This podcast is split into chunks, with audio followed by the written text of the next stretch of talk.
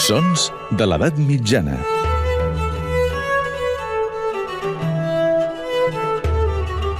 Amb Maria Montes.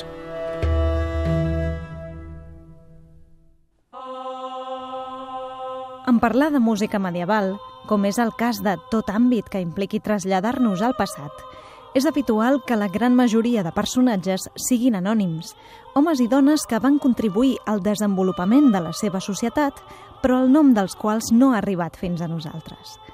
En ocasions, però, alguns d'aquests noms sí que han transcendit, gràcies sobretot a les fonts escrites, i és per això que podem parlar, per exemple, del primer compositor conegut al gènere de l'orgànum polifònic, el francès Leonin.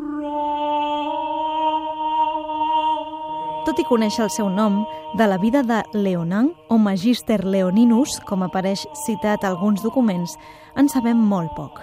Sabem que va viure a París durant el segle XII i que va treballar com a administrador a la catedral de la ciutat entre els anys 1150 i 1160, encara que no seria fins passats 30 anys que seria ordenat sacerdot.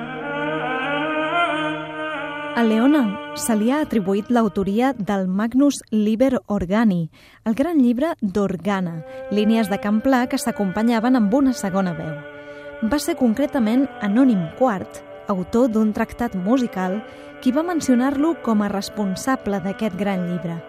A l'obra, revisada pel seu successor, Perotin, els mestres de la catedral van refinar l'art de compondre per a més d'una veu i, a més, van ser capaços d'anotar a les pàgines del manuscrit les alçades del so que requerien les obres.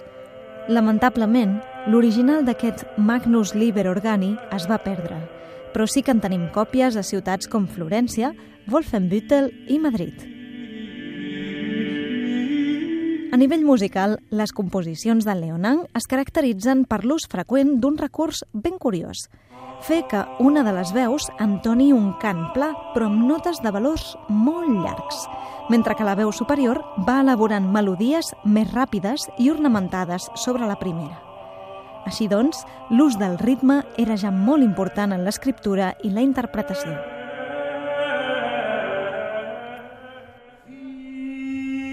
De la vida de Leonin, doncs, no en sabem gaire, ni tampoc de molts altres de qui no coneixem ni tan sols el nom.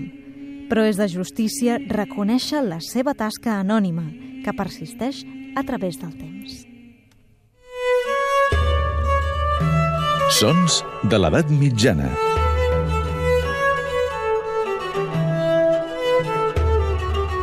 Amb Maria Montes.